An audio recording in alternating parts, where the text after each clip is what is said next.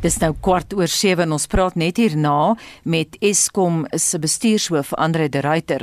Die kragverskaffer was die hele week in die nuus na die ontploffing by die Medupi kragstasie in Limpopo Sondag aand. Die voorsitter van die omgewingsgroep Besorgde Burgers van die nabygeleë dorp Lepalale, Ilana Greiling, vertel hoe hulle die voorval beleef het. Dit het dit so 'n aardbewing gevoel. Die hele huis het geskit. Alarms het afgegaan. Ons het die volgende dag op sosiale media gelees dat die polisie is uitgeroep na heel wat huise toe waar mense gedink het iemand is besig om in te breek. So ernstig was dit. En 'n vriend van ons op 'n plaas wat 50 km van Medupi af was, tot hulle het wakker geword van die trillings. Daar was 'n snaakse verskynsel die afgelope maand of wat waaroor hulle graag meer van Eskom wil weet. Min of meer 40 dae gelede het daar dramatiese lekkasies van as uit Medupi uitgekom. Sulke worse, dik worse as wat uitgestroom het. Nou daaroor het ons ook geen duidelike antwoord van Eskom ontvang nie, maar dit was al vir ons 'n groot bron van kommer. Ilana Greiling is die voorsitter van die besorgde burgers Lepalale omgewingsgroep. Mitsi van der Merwe, SAK nuus. Dis 18 minute oor 7 nou monitor het in September verlede jaar met Eskom se beleerde bestuurshoof Andrei de Ruyter gepraat om uit te vind hoe hy die eerste 9 maande van sy posisie ervaar het. Nou byna 'n jaar later praat ons weer vanoggend met hom, die keer na die ontploffing by die Medupi kragstasie in Limpopo. Goeiemôre Andrei. Goeiemôre. Andre, die WNR het gister 'n verslag gepubliseer wat toon dat Suid-Afrika die ergste beerkrag sedert 2007 onder jou leiding beleef. Verlede jaar alleen was daar 859 ure daarvan. Jou kommentaar en reaksie daarop? Ek dink dat ons moet uh verstaan soos wat ek aan die aanvang van my termyn gesê het dat terwyl ons agterstallige instandhouding uh probeer inhaal dat daar 'n groter risiko op beerdkrag gaan wees. Ehm um, dit is natuurlik betreurenswaardig. Ek dink dit is 'n uh, dit is 'n jammerte. Ek het ehm um, gesê dat ek uh, groot empatie het met Suid-Afrikaners wat uh, ly onder beerdkrag. Maar ons sit met die nalatenskap van 'n uh, dekade van verwaarlosing wat ons moet inhaal en terwyl ons dit inhaal uh, deur planne en standhouding te doen is dit ongelukkig onverwendbaar dat die risiko op beerdkrag gaan verhoog. Ons het laas toe ons met jou gepraat het, jy's jy het hier verduidelik van hierdie ding van die diep instandhouding wat gedoen moet word. Uh wat dan die hele kragstasie van lyn afhaal. Is dit voorheen gedoen voordat jy by Eskom was? Nee, uh heel wat van daardie instandhouding waar eenhede uh, van lyn afgehaal word en dan vir maande letterlik ehm um, van van grondvlak af op deeglik in stand gehou word is nagelaat. En uh soos wat jy met 'n motor sien, as jy die instandhouding vir ehm um, een of twee keer oorslaan, dan sal die motor nog aanhou ry, maar in 'n stadium as hy breek, gaan hy baie erger breek as wat hy uh, sou gedoen het as jy die instandhouding behoorlik gedoen het. En dit is die situasie waarin ons osself tans bevind. Ons gaan derentyd vir jou vra bywerk van ons luisteraars vanoggend as jy dit kan beantwoord vir ons. Andreas Mulder wil by jou weet tot watter mate word jy toegelaat om te doen wat gedoen moet word om sake reg te ruk? Ja, ons ons werk natuurlik in 'n um, regulatoriese ekosisteem. Uh as 'n mens 'n staatsonderneming vergelyk met 'n privaat onderneming, is die ruimte om te beweeg baie minder as wat jy in die privaat sektor sou kry. So ehm um, byvoorbeeld ehm um, artikel 189 afleggings is is 'n opsie wat nie vir ons beskikbaar is uh as gevolg van die instruksie van ons aandeelhouer nie. Ehm um, ook as 'n mens kyk na verkryging die uh wet op openbare uh, finansiële bestuur lê ons vermoë om te onderhandel en kommersieel op tree um, aan bande. En uh, dit dit vertraag die proses uh, om goedkeurings te kry.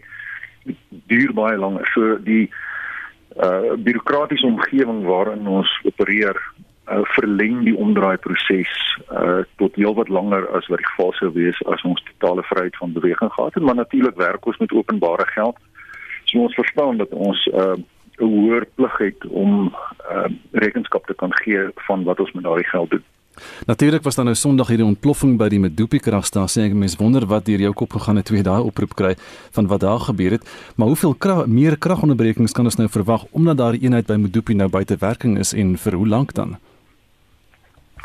So die um, eenheid by Medupi, ehm um, eenheid 4 waar die ontploffing plaasgevind het, dra ongeveer 700 megawatt by tot netwerk. Nou hierdie eenheid ehm um, gaan waarskynlik tussen 18 en 24 maande buite bedryf wees terwyl ons herstel. Uh weer eens 'n uh, 'n lang proses, uh soos by die uh, inwoners van die eniging van Lepelale gesê dit was 'n ontsettende ontploffing. Hmm. Ek is geweldig dankbaar dat uh, niemand beseer is nie. Dit is werklik 'n bestuuring dat uh, dat ons uh, sonder menslike beserings of uh, selfs natuurlike gevalle ongevalle daar uitgekom het. Ehm um, maar uh, nou sit ons met um, 700 megawatt wat nie op die netwerk is nie. Uh die die netwerk presteer op die oomblik uh, redelik goed.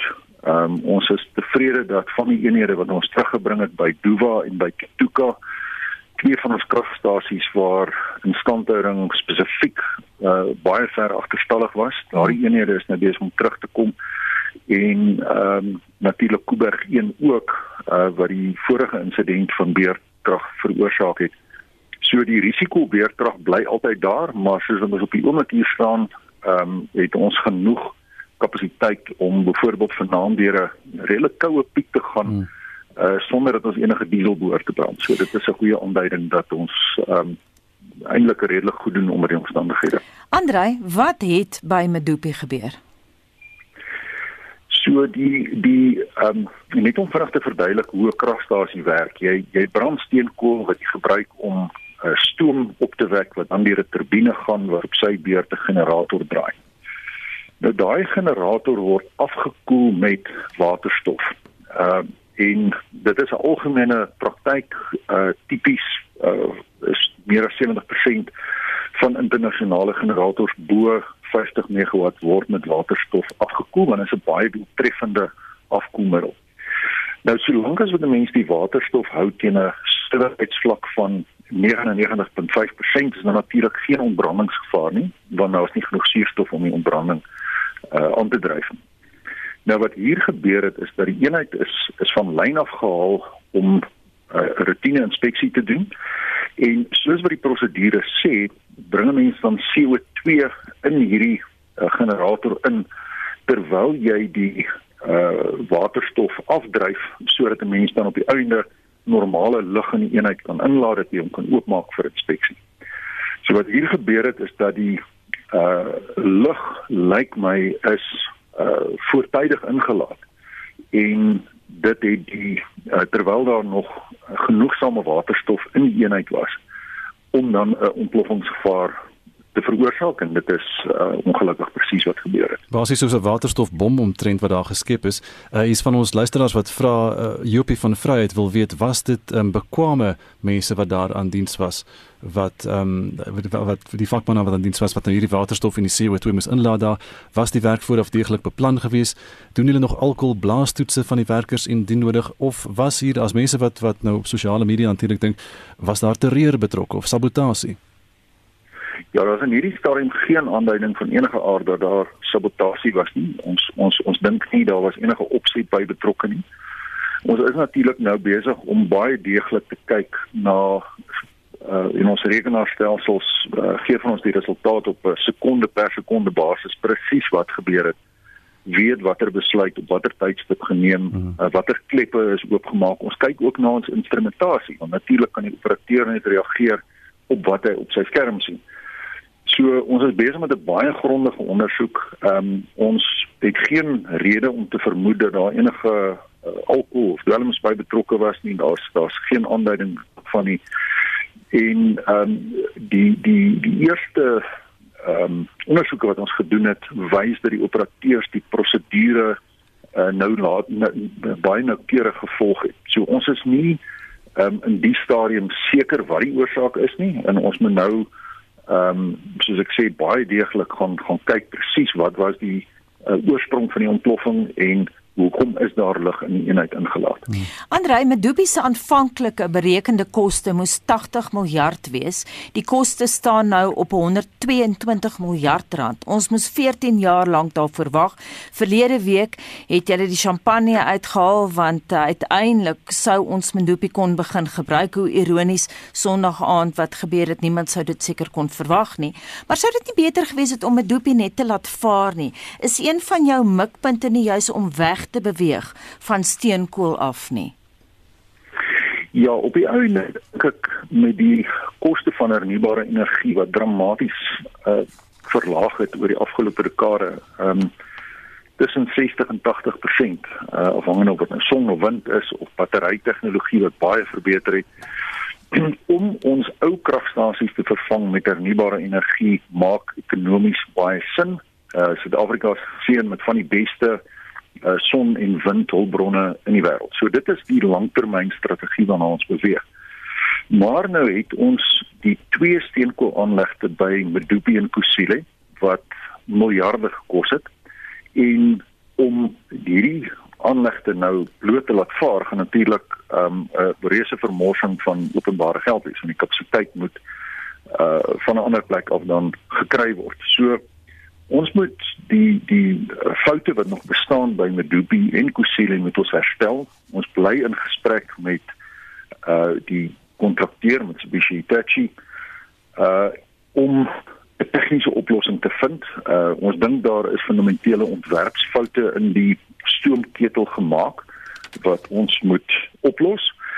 Ehm um, maar om nou weg te loop van die twee eenhede af uh dink ek sal 'n sal 'n groot vermorsing van geld beteken. Is Medupi en Kusile beter en skoner om te bedryf as van julle ouer kragstasies? Ja, in terme van emissies beslis, uh ons het ehm um, uh om om brandings uh, meganismes wat uh laer stikstof vrystel. Ons het ehm um, filters wat uh, partikulaat emissies verminder uh by Kusile het ons 'n uh, aanleg wat swaal uit die lug uithaal. Ons gaan 'n soortgelyke aanleg bou by Medupi. So met 'n emissie oogpunt definitief is hier die die skoonste steenkool tegnologie wat beskikbaar is. Hmm. Andre het nou net gesê Suid-Afrika het van die beste son- en windbronne ter wêreld. Nou twee luisteraars, Hein Boshoff en Cherie Tron, wil albei weet wanneer word fase 5 vir die bou van nuwe windplase goedgekeur? So die verkrygingsproses word deur die ehm um, DMRE uh, gedryf, die Departement van Minerale Hulpbronne en Energie. Uh ons is in gesprek met hulle. Ons ons wil dit graag fasiliteer. Weet almal die land het addisionele kapasiteit nodig. Uh dit dit is 'n uh, redelike uitgebreide proses waardeur ons moet gaan. Ehm um, dit is ongelukkig nie in die hande van Eskom om dit te dryf nie, maar ons maak onsself reg om daardie addisionele kapasiteit te akkommodeer so gou as wat dit uh, beskikbaar kom. Sien net vir my Andre, julle skuld staan nou op 464 miljard rand. Watter kans is daar om daai skuldklas om te draai? Want met die perk op privaat opwekking wat eersdaags verhoog gaan word na 100 megawatt hoe gaan dit julle inkomste raak gegee dat die maatskappye wat dit gaan benut juis die instansies is wat so getrou betaal het vir hulle krag Ja mens uh, eerstens die die die skuld ehm um, het 'n bietjie afgekom daarom ons het ons ons het die finansiële jaar einde van maart afgesluit met skuld van in die omgewing netto skuld van in die omgewing van uh, eh, 388 miljard so ons het daarom 'n bietjie van 'n van 'n duik gemaak in hierdie skuldberg wat uh, wat voor ons lê.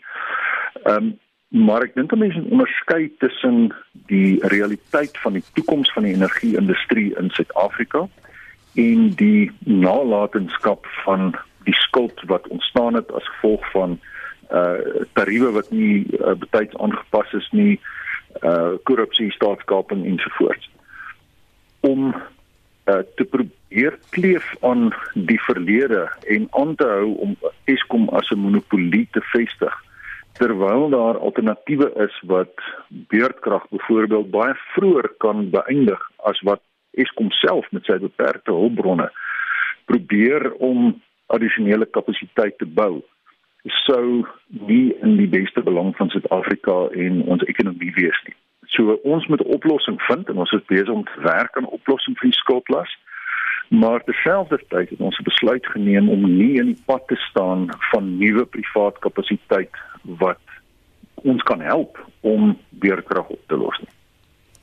Andre, ons gaan net hierna verder met jou gesels. Bly net daar. Ons gaan net vinnig na die nuushooftrekke toe.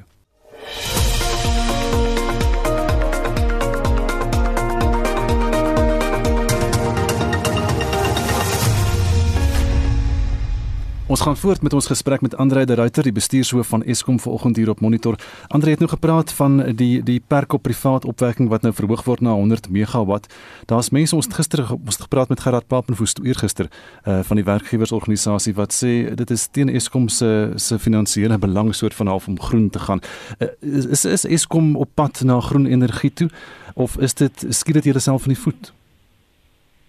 Ja, ons is definitief op pad na groen energie. Uh ons dink dit is 'n wêreldwye tendens wat uh, ons nie uh behoort teen te staan nie vir 'n hele aantal redes. Ek dink een van die belangrikste redes is dat die Europese Unie byvoorbeeld uh reeds 'n uh, uh, toeskrywing maak van die steenkoolvoetspoor van produkte wat uitgevoer word na die Europese Unie. En as mens kyk hmm. byvoorbeeld na ons motorvervaardigers wat tipies 80% plus van hulle produksie na Europa uitvoer, as hulle met 'n addisionele belasting geslaan word omdat hulle krag koop van Eskom met 'n hoë CO2 inhoud, dan kan mense sien dat die implikasies vir die wyeer ekonomie kan baie dramaties wees. En dan is daar natuurlik die die faktore rondom ehm um, uh, klimaatsverandering. Daar's nou onlangs 'n verslag uitgereik deur die Verenigde Nasies wat sê ons het ons het 'n probleem as 'n planeet.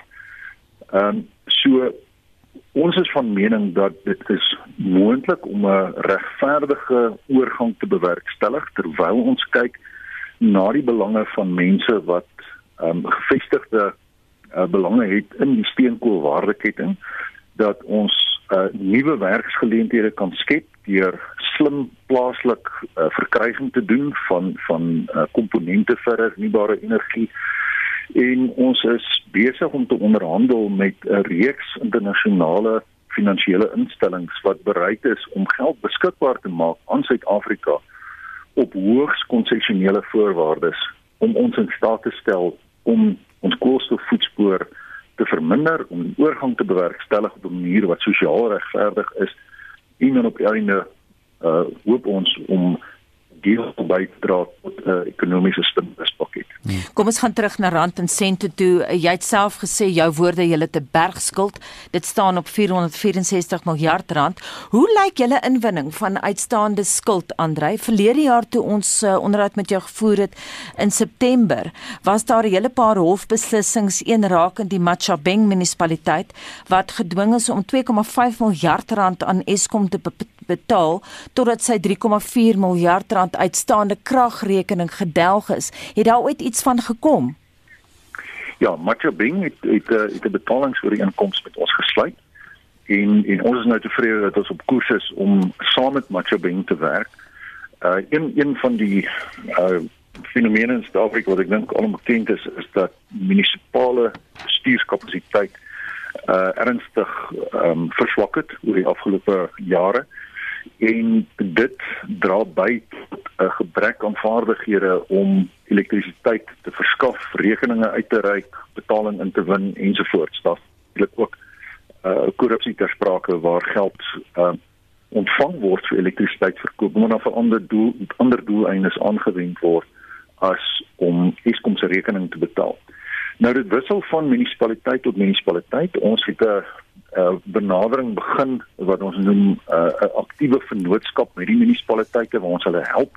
Natuurlik die die die quid pro quo is dat hulle dan ons rekening betaal en dit werk in die meerderheid van gevalle. Daar daar is uitsonderings, uh, Maluti Apofong uh by Harry Smit is is 'n is 'n redelike tamaletjie vir ons. Dis ook ons grootste skuldenaar. Hulle skuldpersoon in omgewing van 5.9 miljard rand en uh, ons is weer op pad hof toe met hulle om hulle uh sover te kry om ons rekeninge te betaal want hulle is um, hulle is redelik al starrig uh in terme van hulle van hulle verpligtinge.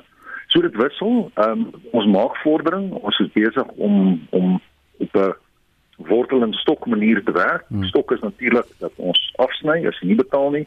Die wortel is kom ons werk saam en kom ons kapasiteer julle om julle elektrisiteitstelsel korrek te bestuur.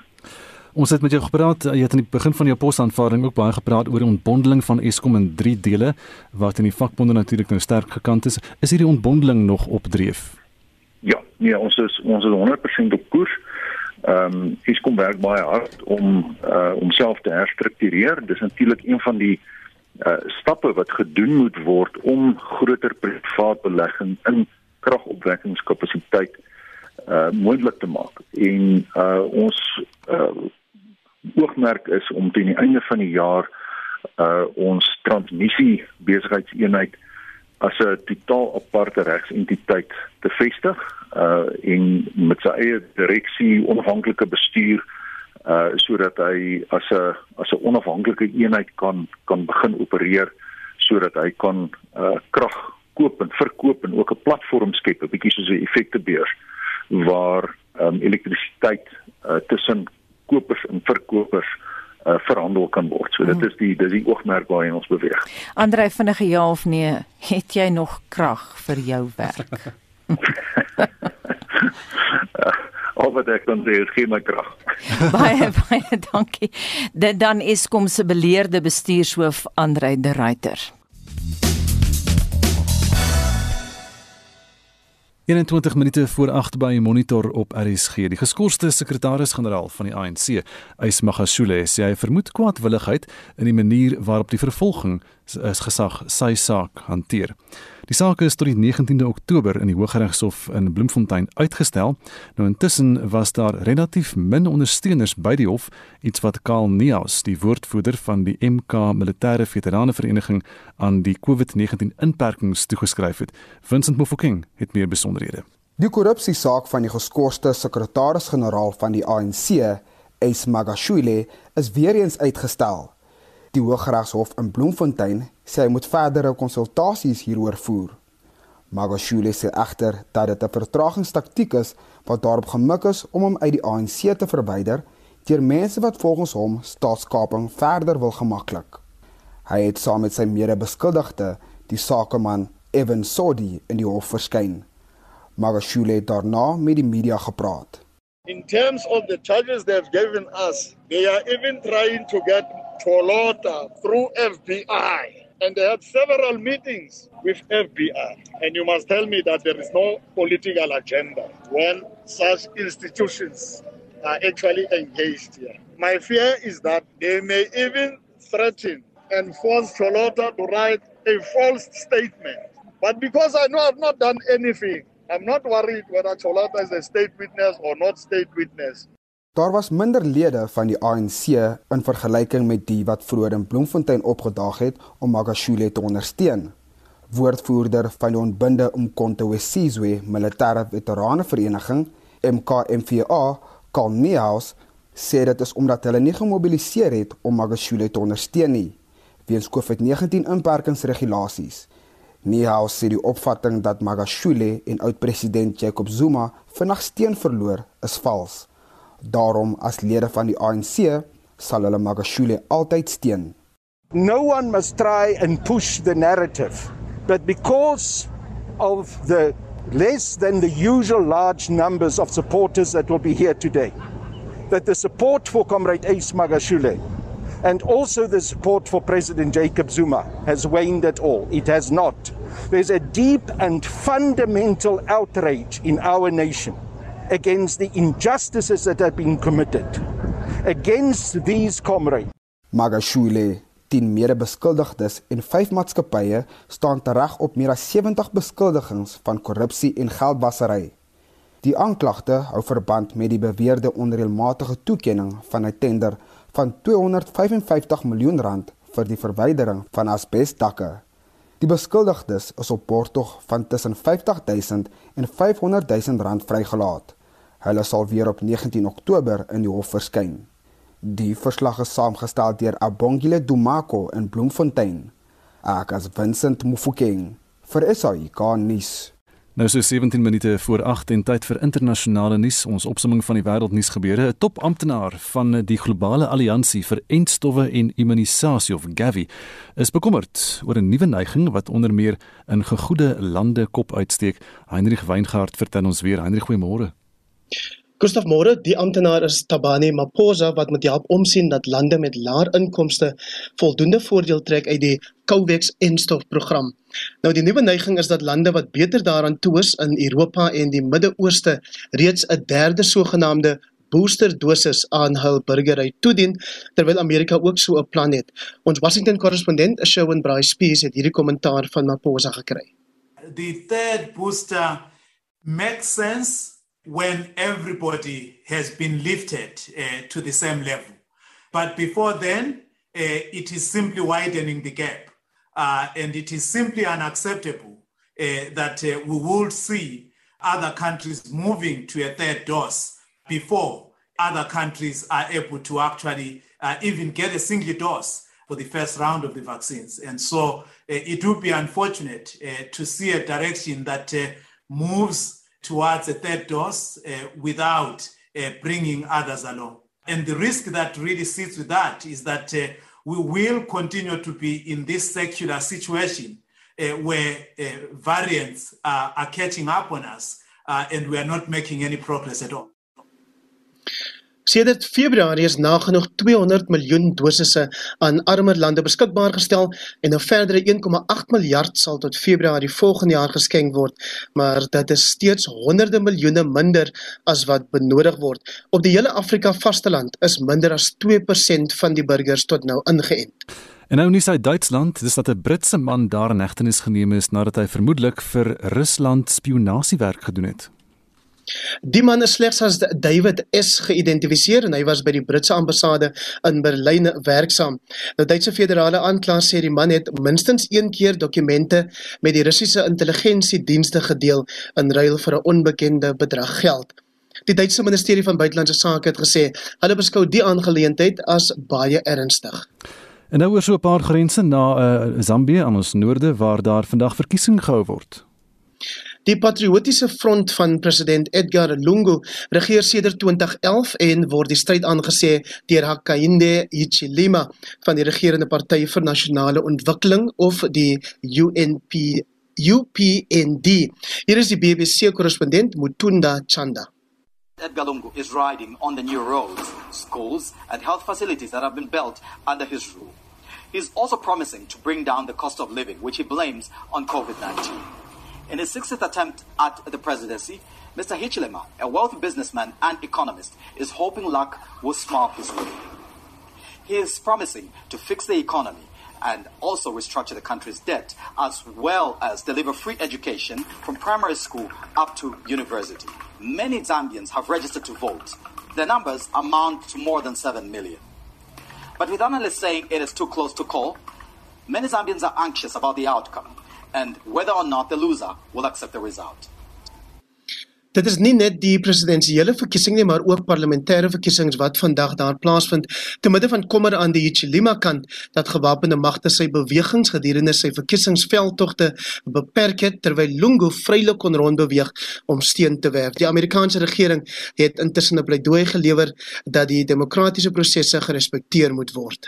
En ons verskuif nou die fokus na die tegnologie reus Google en 'n bespreking oor die keuse om van die huis af te werk van die huis af te werk. So wat natuurlik verby van ons aan die begin aanlonklik was van die pandemie naamlik die idee om nie jou woonplek vir werk hoef te verlaat nie, hou nou 'n nuwe uitdaging in. Nou word daar in groot internasionale maatskappye gepraat oor hoe daar na die pandemie gemaak moet word en Google het 'n plan dat sy Amerikaanse werkers dalk kleiner salarisse kan ontvang indien hulle permanent van die huis af wil werk of besluit om dit te doen in gevalle waar hulle lang afstande tot by die kantoor moet aflê. Heinrich Weingart dan daar met 'n opsomming van vanoggend se wêreldnuus gebeure. En soos wat jy daar gehoor het in wêreldnuus, gaan Zambië vandag na die stembus en ons praat daaroor met 'n senior navorser by die Instituut vir Sekuriteitsstudies in Pretoria, Liesel Louwel. Môre Liesel. Môre Anita. Liesel, hoe belangrik is hierdie verkiesing vir Zambië? Ek sien Associated Press skryf 2 dae gelede elections to test Zambia's standing as a stable democracy. Ja, absoluut. Uh, Anita, dit is regtig uh, baie belangrik veral in 'n tyd waar Zambië in 'n groot ekonomiese krisis verkeer. Ehm uh, dis een van die eerste lande wat uh, nie sy skuld kon terugbetaal ehm um, in weens COVID-19 verlede jaar in die groot ekonomiese krisis. Ek het gister gehoor van die kommentators daar wat sê die prys van hoender het verdubbel en mense kan regtig nie ehm um, die die groot gros van mense in in Zambië het hulle lewensgehalte en hulle lewenskoste dramaties gesien daal. So jy weet ehm um, in ehm um, so so sê dit is eh uh, Zambië is nog altyd 'n land wat beskou is as eh uh, voorbeeld van demokrasie. Ons het nog geen ehm um, jy weet staatsgrepe en ernstige ehm um, gewapende konflik of so in Zambië gesien sedert onafhanklik nie.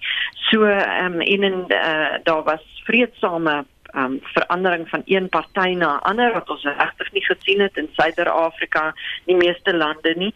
So um, hierdie is 'n groot toets omdat die vorige verkiesing in 2016 was die uitslae baie baie naby aan mekaar. Tussen dieselfde twee wat nou weer teen mekaar te staan kom Chilema en en Edgar Lungu. Praat met ons 'n bietjie oor hierdie persoonlikhede, die president en die oppositieleier. Wie is hulle?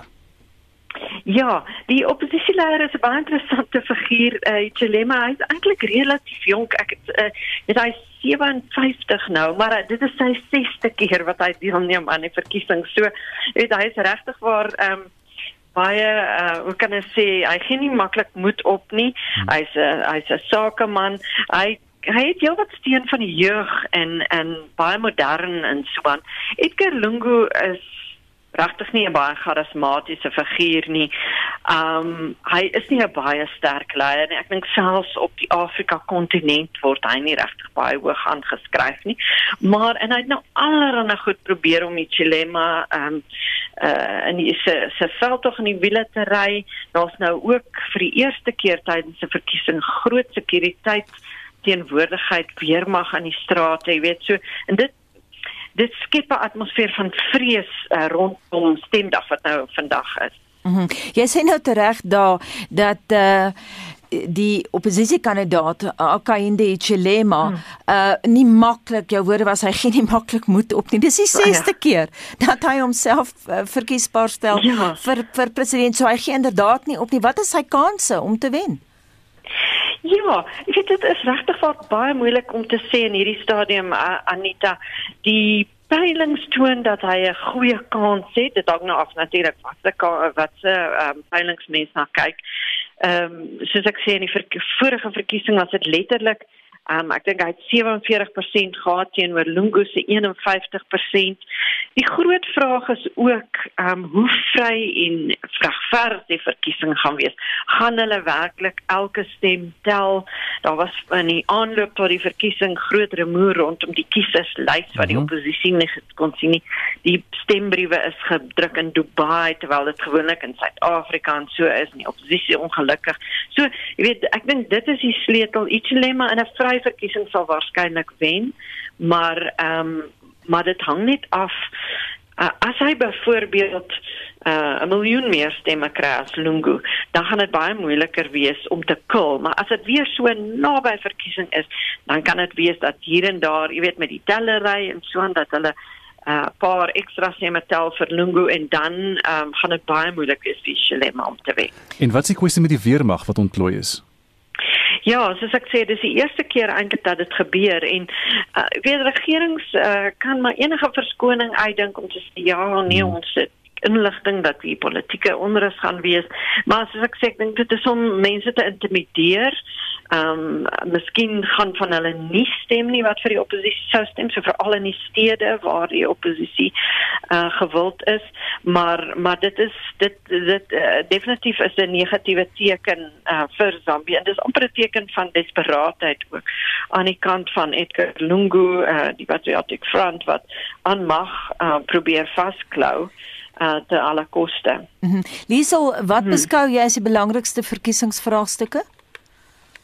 Die ekonomie definitief Anita omdat ehm um, jy weet soos ons nou op die nuus gehoor het, uh, Lungu sê ja, maar hy het hierdie infrastruktuur gebou, paaie ensovoorts, maar die die mense ehm uh, so, jy weet soos ek gesê het, hulle lewensgehalte ehm um, is erg getref deur uh, COVID-19 die ehm um, die jy weet die die dienste is ehm um, uh, onderwys, gesondheid en so aan is afgeskaal omdat die land nie sy skuld kan betaal nie. Uh, so dit is definitief die belangrikste kwessie is ehm um, jy weet kan Lungu vir mense uh, net sê wel dit was COVID-19 en daarom het ons uh het die ekonomie so verswak. Uh soos almal weet, ek meen Zambië is 'n groot koperprodusent en so aan. Kommoditeitspryse het eintlik nie is eintlik nie so erg getref deur COVID-19 nie. So eintlik behoort Zambië nie so erg ehm um, getref uh, ge te word soos ander lande in Afrika wat baie staat maak op toerisme en ander soort uitvoere en so nie. En gepraat van of die verkiesing vry en regverdig gaan wees, is daar waarnemers word die waarnemers regverdig behandel? Ja, dis 'n goeie vraag omdat die Afrika Unie het wel waarnemers gesien net so 30, so dit is regtig nie waar nie genoeg nie in al 10 streke van Zambië. U u uh, ensovoorts maar ons het gister 'n verklaring van SADC gekry dat hulle virtueel die verkiesings gaan waarneem. Nou ek weet nie of dit moontlik is nie, maar hulle gaan nou met verskillende akteurs oor Zoom seker nou gesels. Weet Sadik is op teen beste nie baie goeie uh, verkiesingswaarnemers nie. So dit is dit is baie teleurstellend, maar ehm um, die die EU is daar, die Amerikaanse ambassadeur het verklaringe gemaak en uh, die heel belangrikste is dan die burgerlike organisasies, plaaslike waarnemers. Ehm um, hulle is ook beperk weer eens sê die regering o, dit is weens COVID-19 mag ons net soveel waarnemers in stembus hier by by stemlokaal maar maar hulle is baie aktief die uh, burgerlike organisasies nie regeringsorganisasies in Zambië is baie baie aktief en hulle gaan probeer om is as daar enige ongeruimdheid is uh, om dit dan uit te wys. Baie dankie en so sê senior navorser by die Instituut vir Sekuriteitsstudies in Pretoria, Lisa Louwel dra. Dis nou 7:54 ons beweeg na die sportveld hier is Shaun Jooste. Ons kyk eers na gisteraand se Karibeker uitslaa. Die wedstryd in Bloemfontein tussen die Cheetahs en Lions het 44 elk gelyk opgeëindig met beide spanne wat 6-3 gedruk het. Die tuisspan was rustig 23-17 voor. Oplof tussen Pretoria die bulle gemaklik 56-33 met Griekwas afgereken nadat hulle rustyd reeds 20-6 voor was. Die bulle is nou bo aan die Karibeker punteleer op 34 punte. Cricket. Die tweede van vyf toetse tussen Engeland en Indië begin vanmiddag 12:00 Suid-Afrikaanse tyd op Lords. Die Engelse snelbowlers James Anderson en Stuart Broad gaan die toets weens beserings misloop. Die eerste toets het onbeslis geëindig. Die toetsreeks tussen die Windies en Pakistan begin ook vanmiddag 5:00. Die vier groepe vir Cricket Suid-Afrika se provinsiale T20 uitkloptoernooie is gister bekend gemaak. Die 15 provinsiale spanne, asook die onder 19 Proteas, sal vir die trofee meeding. Die top 2 uit elke groep dring deur na die uitklopfase. Die Lions en WP is in groep A, die Knights en Titans in groep B, die Dolphins en onder 19 Proteas in groep C en die Warriors in groep D. Die toernooi vind tussen 24 September en 22 Oktober in Bloemfontein en Kimberley plaas. In die 100 toernooi in Engeland in die mans afdeling het die Southern Brave die Welsh Fire gisterand met 8 paaltjies geklop en in die vroue afdeling het die Brave met 39 lopies geseëvier. Op die sokkerveld het die Engelse klub Chelsea hulle tweede Europese Superbeker trofee gelig na 'n oorwinning van 6-5 na uitskietdoele oor die Spaanse klub Villarreal. Op die tennisbaan het Suid-Afrika se Lloyd Harris sy tweede ronde wedstryd by die ATP 1000 toernooi in Toronto in Kanada met 6-2 en 6-3 teen die Spanjaard Feliciano Lopez gewen. Hy kom volgende teen die Amerikaner Riley Opelka te staan. Suid-Afrika se Ryan Klassen en sy spanmaat van Japan Ben McLaughlin is in die eerste ronde van die dubbelspel afdeling deur Wesley Koolhof en Austin Krajicek van Amerika met 6-4 en 7-6 uitgeskakel. En laastens op die golfbaan slaan die PGA Tour se Wyndham Kampioenskappe vanmiddag kort voor 1 in Greensboro in Noord-Carolina af. Louis Oosthuizen, Dylan Fratelli, Brandon Grace, Charles Schwartzel en Erik van Rooyen is die Suid-Afrikaners wat gaan deelneem. Die plaaslike Jim Herman is die verdedigende kampioen. Op die Europese toer begin die Kazoo Classic in Engeland half 9. Daar is sewe Suid-Afrikaners wat in aksie sal wees en dit sluit Wilco Ninaber, Brandon Stone, Daniel van Donder en Justin Walterson. Noord-Ierland se Darren Clark was die wenner toe die toernooi laas in 2002 gespeel was. En die vroue Skotse Ope het reeds begin.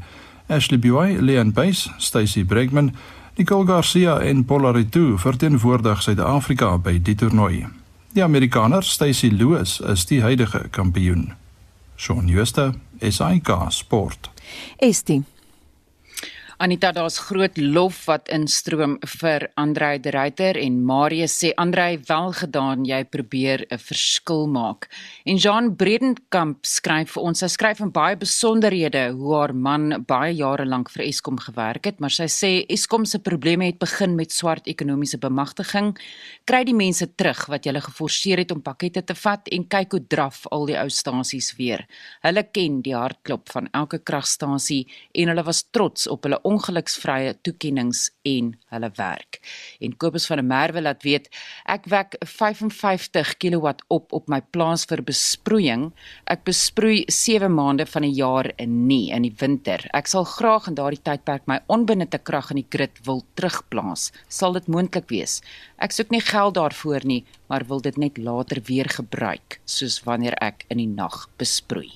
Baie dankie vir jou terugvoer vanoggend. Heinrich, wat is alles op die dagboek vir Spectrum om 12:00 vanmiddag? Gustav se president Cyril Ramaphosa sal na verwagting sy getuienis voor die Zondo-kommissie na staatskaping voortsit en dan 'n maand na die onrus in KwaZulu-Natal en Gauteng is daar nie veel vordering gemaak om die baasbreine in hegtenis te neem nie. Dit dan Spectrum tussen 12 en 1 vanmiddag. Intussen groet die Monitor redaksie namens ons uitvoerende regisseur Nicoline de Wee. Die man in die warm stoel vanoggend was Hendrik Martin, ons produksieregisseur Daitran Godfrey. My naam is Anita Visser. Monitor is môreoggend om 6:00 terug. Ek is Gustaf Greiling en Anne Marie is nou reg met die 8:00 nuus.